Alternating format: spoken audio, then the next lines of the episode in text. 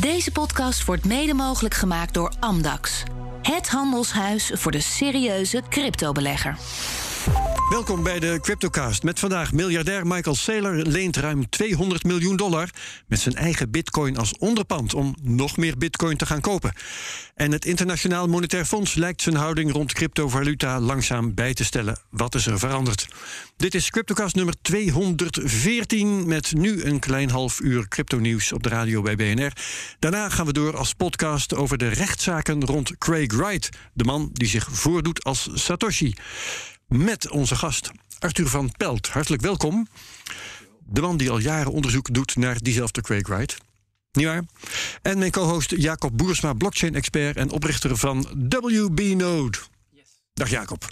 Net als vorige week. Wij geven geen beleggingsadvies. Vorm je eigen mening, maak je eigen keuzes. Geef ons niet de schuld. Crypto kan lucratief zijn, maar is ook riskant. Gaan we direct over uh, tot het bespreken van het nieuws. Michael Saylor van MicroStrategy Um, is al anderhalf jaar bezig of zo met aan één stuk door bitcoin te kopen. En nu leent hij weer eens ruim 200 miljoen dollar met zijn eigen bitcoin als onderpand. Bitcoin van MicroStrategy dan. Om nog meer bitcoin te gaan kopen. Uh, Jacob, even uh, terug naar Michael Saylor en MicroStrategy. Hoe is dat ook weer gegaan? Ja, um, Michael Saylor is dus uh, al, um, al heel lang in business als, als ondernemer. Uh, en MicroStrategy was oorspronkelijk een softwarebedrijf uh, dat, dat business intelligence software maakt. Ja. Maar eigenlijk um, in.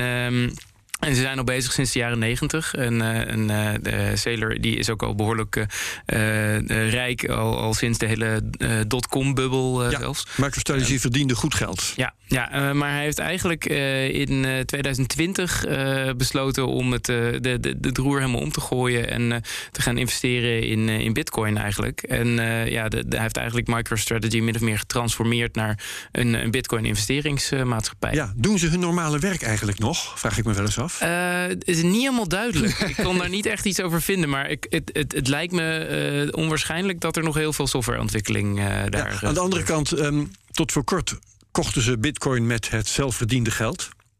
Uh, ik, weet, ik weet zelf niet of ze nu of het geld op is en er misschien ook geen geld meer bij komt, of dat ze gewoon nog meer bitcoin willen kopen dan ze kunnen kopen met het zelfverdiende geld. Nou ja, eigenlijk, eigenlijk um, wat ze tot nu toe deden was aandelen uitgeven. Uh, en dan met de, de inkomsten uit die aandelen, dan wel obligatieuitgiftes uh, die ze hebben gedaan, kopen ze dan bitcoin. Ja. Uh, en dat, dat doen ze eigenlijk voornamelijk op het moment dat er ook dips in de markt zijn. Mm -hmm. dus ja, dan koop je dus buy the dip, letterlijk. ja. en dan um, is het idee van nou, als het dan dus omhoog gaat, dan heb je die bitcoin dus op de balans. maar ja, je hebt het gekocht Zeker. voor een lager bedrag. Dus er, er zit uiteindelijk best wel veel winst in. En in de afgelopen afgelopen jaren heeft hij die strategie dus eh, heel strak volgehouden.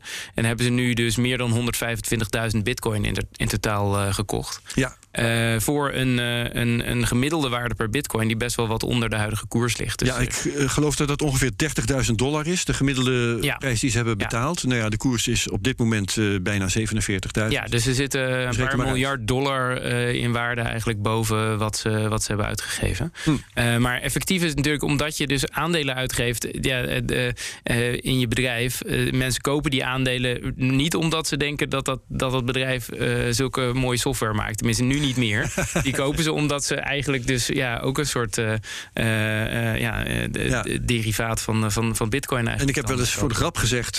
MicroStrategy is het eerste bedrijf dat niet meer hoeft te werken voor zijn geld. Maar jij houdt het dus voor mogelijk dat ze dat ook, ook inderdaad niet meer doen. Nee, uh, uh, het is in ieder geval, zij zijn echt de grootste corporate houder van Bitcoin uh, ter wereld. Ja. dus ja, nee, de, ik denk met, met, met 6 miljard aan Bitcoin op de balans dat je niet echt meer met nee. heel veel andere dingen bezig bent. Nee, en nou willen ze dus geld lenen met die eigen Bitcoin als onderpand. Ja. ik vraag me dan af. Kan dat eigenlijk wel? Want iedereen weet, Bitcoin is volatiel. Dus dat zal bij de bank toch wel een probleempje geven. Nou ja, kijk, uh, het idee van een, uh, van een lening afsluiten is dat je er iets van onderpand voor uh, wil, moet hebben wat die bank accepteert. En ja, ze hebben kennelijk een bank gevonden die, die Bitcoin als collateral accepteert. En het is ja. ook wel in een veelvoud. Hè? Dus ze hebben 800 ja. miljoen dollar aan Bitcoin als onderpand voor een lening van 200 miljoen dollar. Oké, okay, dus als de Bitcoin tot 25% crasht Ja, als de bitcoin nu enorm... Tot, ja. eh, met, 75, met 75% crasht, tot een restant van 25%, dan zitten ze nog goed. Nou, het, het, het is vooral als, die natuurlijk, als ze die lening op een gegeven moment niet kunnen terugbetalen, dan, dan zijn ze het on- eh, onderpand natuurlijk verschuldigd. Dus dat Juist. is inderdaad het probleem. Ja, de- dus da- dan moet je inderdaad die. Maar die bitcoin heeft hij, dus ja, en de, en de bank accepteert dat. Dus dan kunnen ze het. Wat zei je, Arthur? Silvergate is het. Ja, Silvergate is de bank, inderdaad. Oh, dat is Ja. de bank waar het om gaat. Ja, Oké, dat, eh, dankjewel voor deze, voor deze aanvulling. Ehm, Maar hij heeft in ieder geval ook ehm, eh, geclaimd in een interview dat hij allerlei andere manieren ook heeft onderzocht om. eh, ehm, om, om eigenlijk eh, de- dit soort constructies te doen. Dus bijvoorbeeld door een daadwerkelijke bitcoin-gebackte obligatie uit te geven. Of door eh, volop in de DeFi te gaan. Eh, of door bijvoorbeeld bitcoin uit te lenen tegen rente. Dus dan in eh, Ja. eigenlijk het soort omgekeerde. In plaats van dat je een lening eh, neemt, ga je een lening verstrekken. Ehm, maar dat heeft hij allemaal gezegd van ja, dus de markt gewoon nog niet rijp voor. Het is allemaal veel te groot, hoog risico. En eh, gewoon via de traditionele bankenmanier is dan toch de beste manier kennelijk om, eh, om het zo te doen. ja, er worden dus wel allerlei ehm, eh, financiële goocheltrucs overwogen in ieder geval. Maar ze worden Ja. dan in elk geval op dit moment nog afgewezen als te riskant. Ja, en daarmee is het ook een soort eh, commentaar wat hij natuurlijk indirect geeft op ehm, eh, El Salvador. Eh, omdat de, de president van El Salvador natuurlijk eh, had aangekondigd dat hij wel een obligatie, een bitcoin-obligatie eigenlijk uit zou gaan geven. Overigens een, een dollar-obligatie met de bedoeling om daar voor een deel bitcoin van te kopen. Hè? Dat is daar ja, het idee. Ja, ja dus, dus dat is sowieso al een soort hybride constructie. Ja. Ehm, eh, en die hebben ze ook moeten uitstellen, want dat zou eigenlijk eind maart eh, eh, zouden ze daarmee komen. En dat hebben ze toen aangekondigd dat ze dat niet gaan doen. Omdat de marktomstandigheden. ja, omdat de markt te volatiel is. Ehm, maar Zeler zegt eigenlijk ook van ja, het is sowieso, ja, je moet dat eigenlijk niet op deze manier doen op dit moment in, in de markt. Want ja, sowieso zou een, ehm, een, zo'n, zo'n obligatie van El Salvador, dat zou eigenlijk effectief meer een soort staatsobligatie zijn. Ja. Dus je, je moet dan meer het vertrouwen hebben in de, de, de regering van El Salvador. De dan dat je- kredietwaardigheid van het land. Ja, ja dan dat je in de kredietwaardigheid van Bitcoin gelooft. Ja, eh, even Arthur van Pelt, jij volgt het allemaal ook goed, dat bleek zo net ook. Ehm, kun je als, eh, als enkele partij, zoals MicroStrategy, dan eh, te veel bitcoin hebben?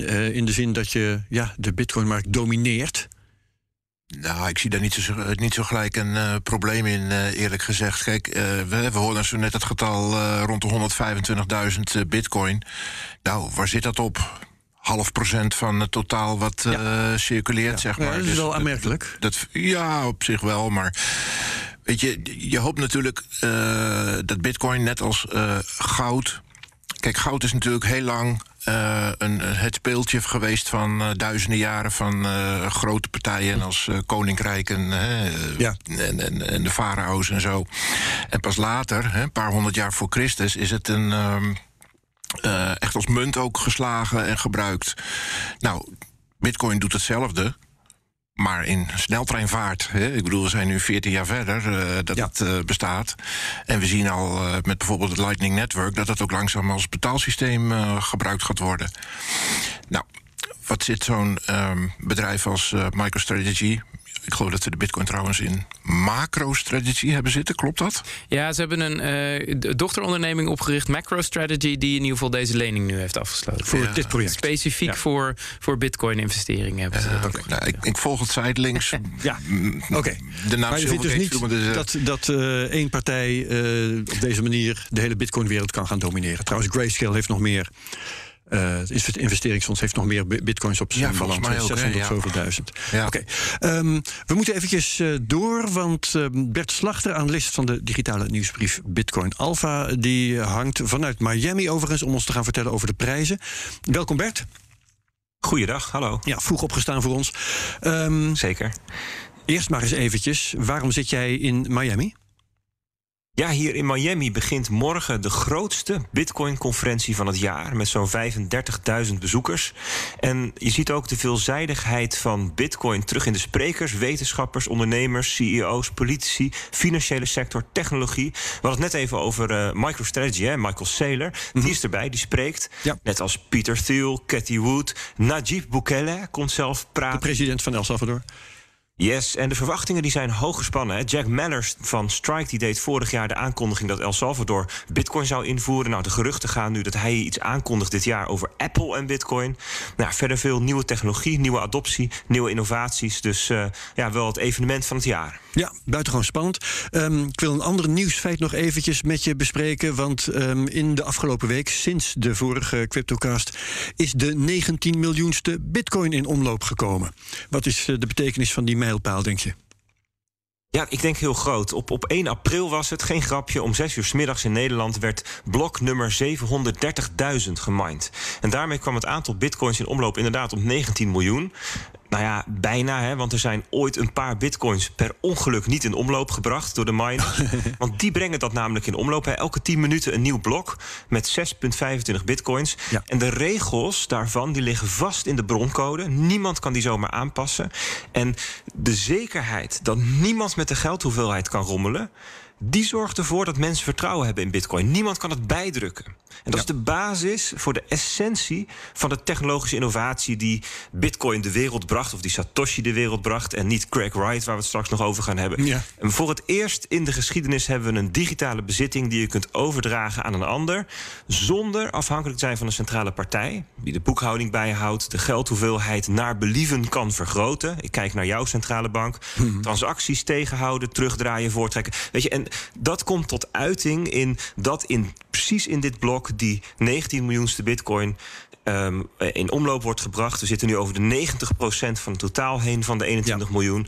En daarom ja, was er veel aandacht van bitcoiners om ja, even daarbij stil te staan. En dus ook dat in 2024 94% in omloop is. 2028 97% 2032 98,4. Dus we, ja, het zijn de laatste bitcoins die in omloop komen. Ja, precies. En die laatste 10% uh, die worden uitgesmeerd over de komende eeuw. Hè? Want pas in 2140 gaat echt de laatste bitcoin de wereld in.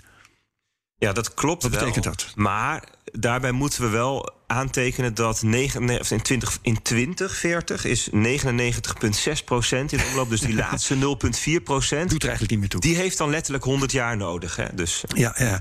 oké, okay, um, ehm, dat is interessant. Maar nu even de prijzen van dit moment. Ja, als je het mij vraagt, uh, dat doe je niet. Maar ik zeg het toch maar even. Zitten in een, weer in een zijwaartse beweging de afgelopen week.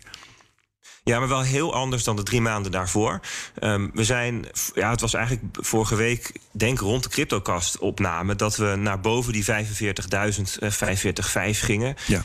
Um, en en, en dat, dat was wel een heel betekenisvolle beweging. En de markt moest dat ook even verteren. Dus dat is nog een paar keer teruggetest.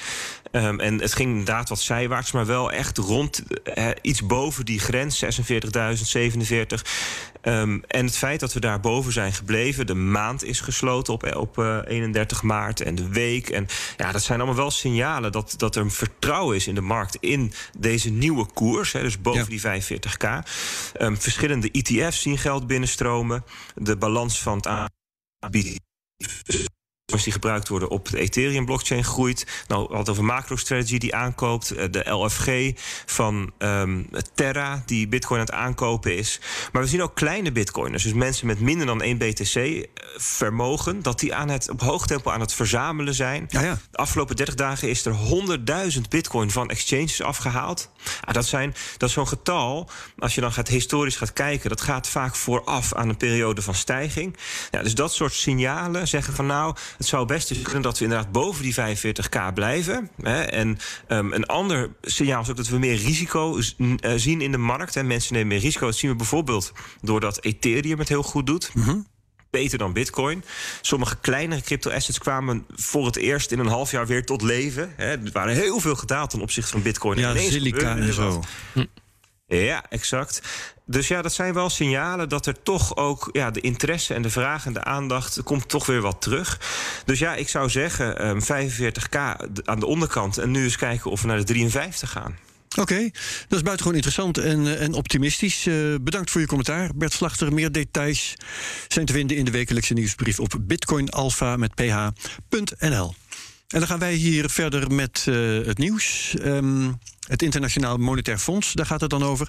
Lijkt zijn houding rond de cryptovaluta een beetje bij te stellen langzamerhand. Plaatsvervangend directeur Gita Gopinath die noemt crypto een belangrijk wapen in de strijd voor meer financiële inclusie. Jacob, Jij hebt dat bericht ook Ja. bestudeerd. Ja, en dat is, ervan? dat is in zekere zin eh, ehm, eh, wel uniek te noemen. Want tot nu toe was het IMF niet heel happig op, eh, op Bitcoin of op eh, andere cryptovaluta. Maar zij heeft dus inderdaad in een, in een podcast gezegd dat het wel degelijk een rol kan spelen bij mensen die eigenlijk gemarginaliseerd zijn door, door banken en andere financiële instituties. Ja. Ehm, ook refererend ook aan bijvoorbeeld de situatie met, met Oekraïne. ehm, waar, waar mensen de donaties via bitcoin naartoe hebben gedaan. Eh, maar ook bijvoorbeeld eh, eh, als je kijkt naar landen als eh, eh, Vietnam, eh, eh, Kenia, Nigeria. Dat zijn landen die ook eh, ja, in de top 10 staan van ehm, eh, peer-to-peer betalingen met crypto. Omdat er gewoon heel veel mensen zijn die geen bankrekening kunnen krijgen bij, eh, bij En traditionele daar is dan banken. crypto gewoon het meest handige middel om Ja. financiële transacties uit te voeren. Ja, dus, en, dus het is wel interessant dat, dat ze dat dus. Althans, zien misschien, moet je dat iets anders uitdrukken. Hè? Want in die landen is natuurlijk ook gewoon geld. Dan kun je ook gewoon op straat met eh, bankbiljetten betalen. Plaatselijke ja, valuta, dit- dit- dollars soms. Maar crypto speelt daar relatief een belangrijkere rol dan hier. Ja. Het is een eh, procentsgewijze, een procentsgewijs verschil. Nou, precies. Kijk, en het, het grote voordeel wat crypto heeft ten opzichte van, eh, van cash. Want eh, natuurlijk zijn dit landen waar cash een veel grotere rol speelt dan, eh, dan zeker dan in Nederland. Ja. Ehm, eh, maar ten opzichte van cash heeft crypto het grote voordeel dat je het ook eh, internationaal kunt versturen. Ja. En eh, dit zijn dus ook vaak landen waar eh, een, een deel van de bevolking in het buitenland werkt en geld terugstuurt naar familie.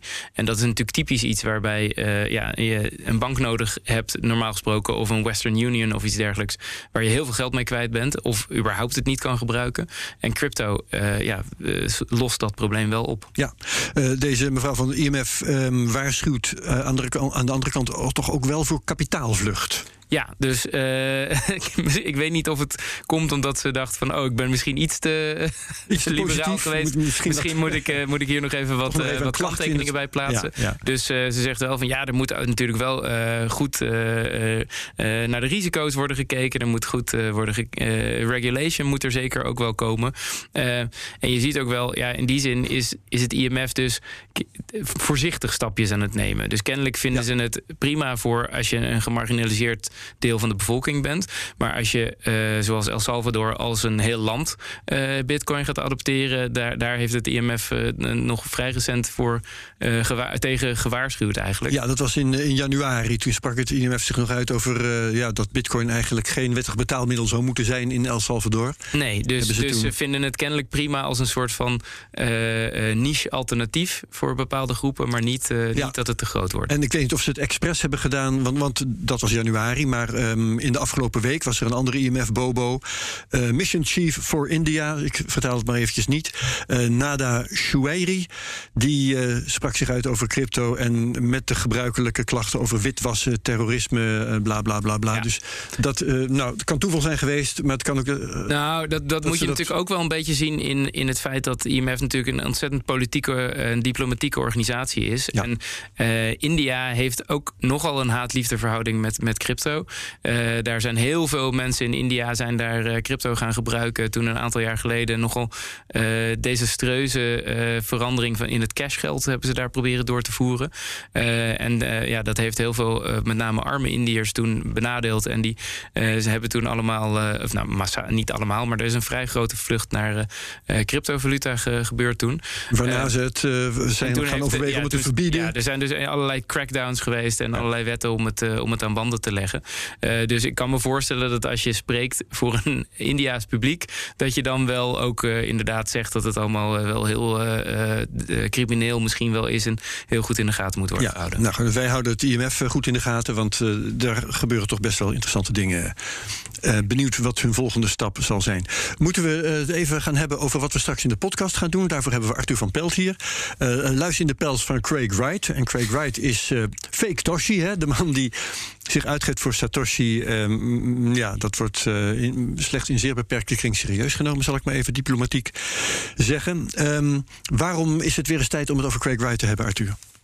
Nou, er zijn de afgelopen maanden weer een eh, paar mooie uitspraken in diverse rechtszalen geweest. Dus ik denk dat het wel leuk is inderdaad, eh, om het even bij de kop te pakken. Ja, en noem eens een voorbeeld van een van die rechtszaken. Welke vind jij het meest interessant? Want we hebben er drie, hè? Pak even de meest interessante voor jou. Voor mij de meest interessante is uh, heel recent. Dat was de, de zaak um, waarin die, uh, de Bitcoin developers probeert te bewegen om 110.000 uh, BTC en wat gevorkte tokens die eraan hangen van BSV, et cetera. Daar is een mooie uitspraak geweest. Het ging erover dat uh, hij zei: die 100.000 bitcoins die waren van mij. En die zijn bij mij weggehackt. Ja. En jullie moeten maar zorgen dat ik die terugkrijg. Ja. Verander de bitcoin software, software maar zo dat ik mijn, mijn geld terugkrijg. Uh, hij denkt dat dat uh, mogelijk zou, uh, zou zijn, inderdaad. En een andere zaak is de Kleinman versus Wright zaak. Die, dat is zijn voormalige compagnon, Kleinman. Dat die overleden is. Oh, jij, oh, dat, dat, hoopt, dat hoopt de broer van de overleden Dave Kleiman, inderdaad. Uh, dat is er niet uh, helemaal Ik dacht dat dat nog wel vast stond, maar goed, uh, dat, daar gaan we dus straks in de podcast... ja, maar, gaan okay, we het maak je het ook verder. Maar er zijn dus ook een paar mooie, toch weer een paar mooie ontwikkelingen te zien geweest de ja. afgelopen weken. Ehm, wat, wat maak jij van de uh, Quake-zaken, Jacob? Nou, ik vind het bijzonder dat, en misschien moeten we daar nog op ingaan in de podcast, maar ik vind het eigenlijk bijzonder dat deze man gewoon nog steeds door kan gaan. Zonder lang of uh, helemaal uh, financieel uitgekleed te zijn of in de, in de bak te belanden. Dus we gaan het erover hebben hoe dat nou weer kan. Ja. Want waarom, waarom zou die in de gevaar. Hij, hij uh, heeft zelf toch niet zo vreselijk veel misdaan, of wel? Nou ja, maar ja, valse rechtszaken tegen mensen beginnen is toch uh, ook ja, wel okay. strafbaar. Ja, ja, ja, ja oké. Nou, en ik denk ook dat uit de tijd van uh, zijn Australische avonturen uh, tegenover de ATO, daar valt natuurlijk ook nog wel wat over te zeggen. Dan gaan we dat doen. Voor deze um, uh, CryptoCast laten we het hierbij. Um, we gaan dus over, uh, in de podcast hebben over wat de invloed is op de community rond uh, Bitcoin. Van die zaken die Craig Wright aanspant, waarvan hij de meeste steeds verliest trouwens. Is hij een splijtswam of is hij misschien juist een verbindende factor? En voor deze CryptoCast op PNR laten we het hierbij. Bedankt Arthur van Pelt, bedankt mijn co-host Jacob Boersma. En we gaan het gesprek voortzetten in de podcast. Ga je mee, dan heel graag tot straks. Haak je af, ook goed. Prima, bedankt. Graag tot de volgende week bij de Cryptocast op BNR. Deze podcast wordt mede mogelijk gemaakt door Amdax. Het handelshuis voor de serieuze cryptobelegger.